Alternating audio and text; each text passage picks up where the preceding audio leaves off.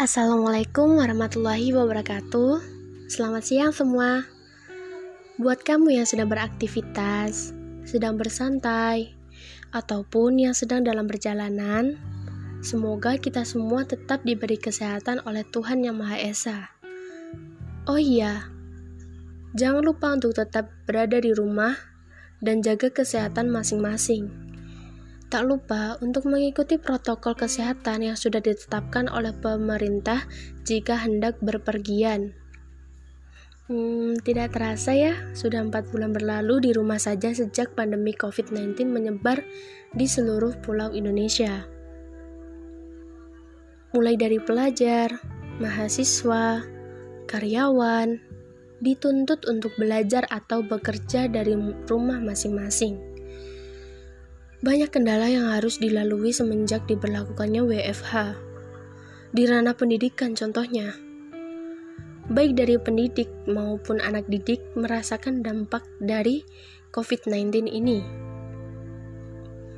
Pendidik diharuskan untuk memastikan semua kegiatan belajar mengajar tetap berjalan dan dituntut untuk mendesain media pembelajaran dengan memanfaatkan media daring atau online demi terlaksananya pendidikan tersebut. Ini bukanlah hal yang mudah, karena sebagian besar masih belum siap menghadapi canggihnya teknologi pada saat ini.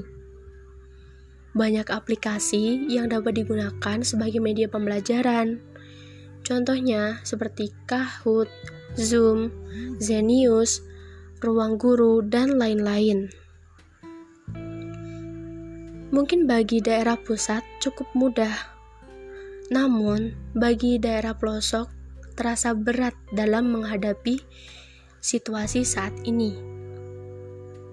Karena bagi daerah pelosok, gawai menjadi barang yang sangat mewah.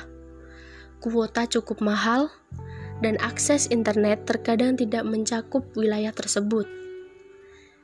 Jadi, Pelaksanaan pendidikan pun tergantung pada koneksi internet. Dan tidak semua siswa memiliki gawai atau smartphone. Sebagian guru yang kesulitan dalam mengajar dan terkendala biaya internet yang cukup besar. Proses kegiatan belajar mengajar pun sebagian besar hanya melalui penugasan. Ada pula pendidik yang hanya di awal memberi tugas kepada siswa, setelah itu tidak ada tugas lagi. Sehingga pelajaran menjadi tidak efektif.